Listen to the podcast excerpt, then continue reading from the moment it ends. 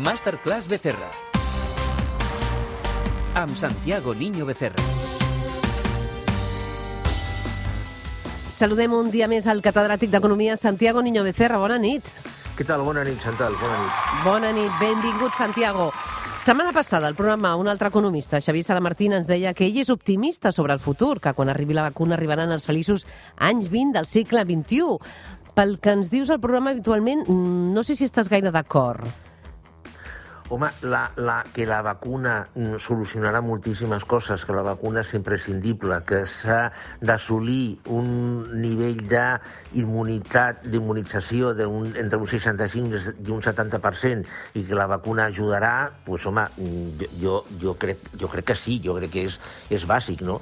Ara, mm, que jo, jo no crec que la vacuna solucioni tots els problemes, ni, ni molt menys. És a dir, perquè hi ha problemes molt profuns a l'economia mundial, a l'economia espanyola en particular, el deute és brutal, eh, la tecnologia està cremant llocs de feina, llocs de treball eh, bueno, a mansalva, mm, és a dir, que, mm, que sí, que evidentment e, és, arribarem a una estabilitat amb la, amb la, amb la vacuna, amb la vacunació massiva però, bueno, però jo crec que, el, per exemple, el 2005, eh, aquell, aquell Espanya va bien, que per altra banda era, era fictici, no? però això no tornarem mai més, eh? jo crec. Per tant, aquests feliços anys 20 tu no els veus uh, tan així, eh? Bé. Bueno, de, de tota manera, escolta'm una cosa, als anys 20 mm, la, la desigualtat era brutal. Clar. És a dir, eh, als Estats Units, per exemple, l'1% de la població controlava el, 20, el 25% de la riquesa. Uh -huh. la, la desigualtat era bestial. Bé. És a dir, eren feliços per alguns. Clar, alguns eren feliços. Aquesta és la teva opinió i avui eh, tenim dia d'eleccions. Mm, sabem avui qui, qui, qui guanyarà. S'hauria d'haver parlat més d'economia durant aquesta campanya? S'ha parlat prou d'economia? No, s'ha parlat molt poc. I mm. s'ha parlat des d'un punt de vista molt concret de coses concretes. Però els grans temes, de, dels grans problemes econòmics que té Catalunya, cap partit mm, els ha abordat. Per exemple, no s'ha parlat de les transferències de competències que encara estan pendents eh, a l'aeroport, eh, eh, per exemple, al port, què passa amb la seguretat social? Mm, eh, no s'ha parlat de la possible transferència de la seguretat social i no s'ha parlat en absolut del dèficit fiscal interregional, és a dir, dels diners eh, que eh, Catalunya mm, eh, dona a l'agència tributària eh, i que no rep via transferències de l'Estat. Aquests són els grans problemes i cap partit ha, ha, ha parlat d'això. Ara, ara em preguntaràs per què i no tinc la resposta. Perquè s'ha parlat més de la pandèmia i la pandèmia ha estat molt més protagonista. Clar, el nou govern de la Generalitat, que ha sortit de les eleccions, tindrà marge per decidir moltes coses a nivell econòmic entre el govern de Madrid, les directrius europees i la globalització. Queda marge d'actuació? No, en absolut. Jo, jo penso que a nivell econòmic eh, el, el govern que surti, que, que és igual que sigui, eh, o sigui eh, ja té pràcticament eh, tot dit i beneït. Eh, per, per una banda, perquè el grau de, el nivell d'actuació, de, de possibilitats d'actuació que té un govern autonòmic és limitadíssim, limitadíssim. I per altra banda, amb totes les restriccions eh, i compromisos que té Espanya amb la Unió Europea, amb, per als fons europeus, etc i, i eh, dèficit, etc etc, jo crec que eh, a nivell econòmic, eh, parlo, és, eh, el, el, el, el grau de llibertat serà mínim mínim. Uh -huh. Anirem parlant d'aquestes mesures econòmiques i avui parlem també dels bancs i comissions, que ens preocupa, perquè els bancs estan reduint beneficis, és conegut per tothom, i per pal·liar aquest problema se'ls ha ocorregut una cosa. A més de les comissions habituals, ara hi volen afegir cobrar per tenir els nostres diners. Què et sembla aquesta mesura, Santiago, que ens preocupa? Nosaltres els donem diners i ens cobren a sobre. Té sentit?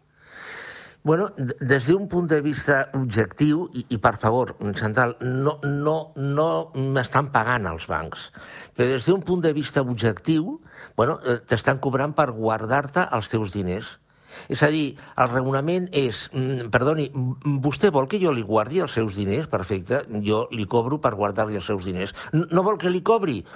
Perfecte, els tinc, els tinc a casa. Eh, Però et sembla bé, per tant? Perquè ara estan co uh, cobraran eh, un 0,2% als clients particulars.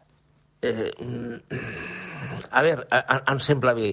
És a dir, des, torno a dir, des d'un punt de vista subjectiu, evidentment no perquè són els meus diners. Eh, des d'un punt de vista objectiu, bueno, és que és, que és lògic. El, el, el, que passa, el que passa és que, per, per altra banda, eh, la, la pregunta no és aquesta, és a dir, o, o el tema no és aquest. El tema és si el model bancari que tenim ara és el model ban que, que és pràcticament igual al model bancari que, havia, que, que havia fa 20 anys o 40 anys, és el model bancari correcte. És a dir, jo, jo tal com ho veig, als bancs eh, estan es, esgarrapant eh, comissions per tot arreu i reduint costos perquè el seu negoci, eh, que és eh, la, el diferencial d'interessos eh, per als préstecs, eh, pràcticament ha desaparegut o ha desaparegut en absolut. Ja, llavors, clar, és a dir, jo, jo crec que el que està, el que, totes aquestes comissions eh, i ingressos, bueno, no sé, estranys, diguem-ho així, eh, eh, el que busquen és mm, que sobrevisqui un model mm, que ja està esgotat. És a dir, dit d'una altra manera, jo estic convençut que l'entitat bancària o el model bancari, no, no, no, no d'Espanya, eh, tot arreu, el model bancari de l'any 2040 serà totalment diferent al model bancari. Com? On guardarem els diners d'aquí 30 anys, Santiago? Bueno, és que possiblement els diners com tal mm, mm, siguin tots digitals, és a dir, ja, ja no hi hagi diner eh, fiduciari. Bitcoins? Tot bitcoins, sí? Mm, Bitcoin exactament, bueno, això no ho sé, eh, si Bitcoin no, però sí a l'estructura, possiblement serà l'estructura de Bitcoin eh, diners digitals. El que passa és que tindran un, un respatller, és a dir, pot haver una autoritat o haurà, o haurà una autoritat eh, que garantirà aquests diners i que el respaldarà, però que, per altra banda, no, el diner físic com a tal no existirà, perquè mm, recordem que el bitcoin no hi ha ningú a darrere. Darrere del bitcoin hi ha el, el, el, la, les persones que accepten el bitcoin. Uh -huh. Però no hi ha cap banc central ni cap, ni cap institució que doni garanties. Ara, ara que parles del bitcoin, eh? aquesta setmana hem conegut que l'aposta de Tesla per bitcoin mm. es dispara el valor a la borsa. Eh? eh expliquem que és l'empresa de vehicles elèctrics fundada per Elon Musk i que inverteix 1.500 milions de dòlars en la criptomoneda i anuncia la intenció d'acceptar pagaments en bitcoins. Sí, però... Per tant, creixerà tot aquest, aquest sistema bitcoin? Jo no me'n refio, eh? i veig que cada vegada s'està parlant més, hi ha més, in més inversions, sembla, aquí darrere. Um, clar, Tu creus que creixerà, sí? Eh, bueno, a, a veure, permetem, permetem Chantal, una, una petita matització. No és Tesla la que ha invertit 1.500 milions de dòlars en bitcoin, sinó que ha sigut el senyor Elon Musk. Eh, és a dir, el propi senyor Elon Musk. Eh, eh, a, a veure, eh, és que jo, respecte al bitcoin, jo sempre he dit el mateix. Moltes, moltes persones em pregunten, escolta, tu invertiries en bitcoins? Mm, mira, t'ho diré clar, és a dir, eh, si algú mm, li pot interessar, doncs fantàstic. És a dir, una persona que tingui, que tingui molts diners, primera. Segona, que eh, pugui eh, oblidar-se dels seus diners eh, durant tres anys. I, per altra banda, que no els necessiti, eh, home, una inversió de bitcoins pot ser interessant. Ara, s'han de donar aquestes tres condicions, eh? És important, eh? eh per, per què? Bueno, és a dir, mm, perquè com objecte... Ara, ara el bitcoin, més que, més que... És cert que moltes empreses accepten bitcoins, per exemple, el Starbucks eh, fa molts anys que ja accepta bitcoins per pagar. Eh, però és, ara, sobretot, és perquè és un valor refugi, eh, és un objecte d'inversió i com a objecte d'inversió, mmm, donant, per, per favor, eh, aquestes tres raons que hem dit abans, mm, jo ho veig, pot, veig que pot ser interessant. Mm -hmm. De moment, eh, tenim govern, reguladors i bancs centrals que mostren la seva preocupació per les criptomonedes, tant per la inversió eh, especulativa que generen, com perquè permeten mm, descentralitzar pagaments entre particulars sense aquesta tutela institucional i també s'ha parlat eh, de negocis bruts com narcotràfic o la venda d'armes i, per tant, eh, també hem de vigilar en aquest sentit. Eh? Sí, però, però mm, eh, a, a veure, eh, és que jo, jo crec que, mm, no sé per quina raó, el bitcoin s'ha estigmatitzat eh, dient que eh, només és utilitzat per la, per la màfia. Això no és cert. És a dir, hi, hi ha empreses que fan pagaments nets i blancs amb bitcoins. Uh -huh. és, a dir, mm, eh, és a dir, no... Que, que hi hagin mafiosos que ho utilitzin, pues, pues igual sí, eh, però, però mm, el bitcoin o, o, o altres criptomonedes eh, tenen una existència en el món real però perfectament identificada.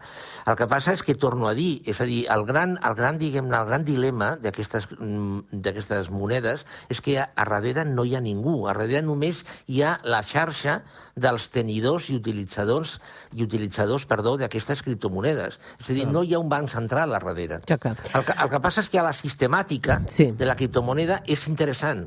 Per això jo crec que la, la, tu deies al 2030 com tindríem els diners. Possiblement els, els diners del 2030 tinguin una estructura de diner digital com el bitcoin, jo crec. Per cert, setmana, per anar acabant, setmana de quatre dies laborables. Des del punt de vista social, un avenç seria a nivell laboral, la setmana de quatre dies de feina. S'ha parlat aquesta setmana d'aquest projecte de reducció de jornada laboral a quatre dies en diferents empreses i em sembla que tu aquesta idea hi veus unes quantes pegues, eh? Ja ens, ja ens vas dir algunes, oi? Bueno, a veure, una setmana de quatre dies reduint salaris eh, i o, i o eh, acomiadant persones, jo ho veig possible. Eh, eh, ara bé, si no mm, redueixes salaris, mm, per compensar aquest dia mm, eh, has d'incrementar la productivitat. Eh, I per incrementar la productivitat s'ha d'invertir eh, i, per altra banda, eh, per reduir costos, i, per altra banda, eh, s'ha de re- reorganitzar tot el sistema productiu. Mm, és a dir, dit d'una altra manera, eh, jornada sense reduir salaris i sense incrementar la productivitat és impossible. Uh -huh. Molt bé, com sempre, un plaer escoltar-te, aprendre més del Santiago Niño Becerra i, i ens veiem d'aquí uns dies al. Revolució, et sembla? Molt bé, perfecte, Chantal. Molt bé, una abraçada, gràcies, Val, Santiago. Vale, bona nit, bona nit.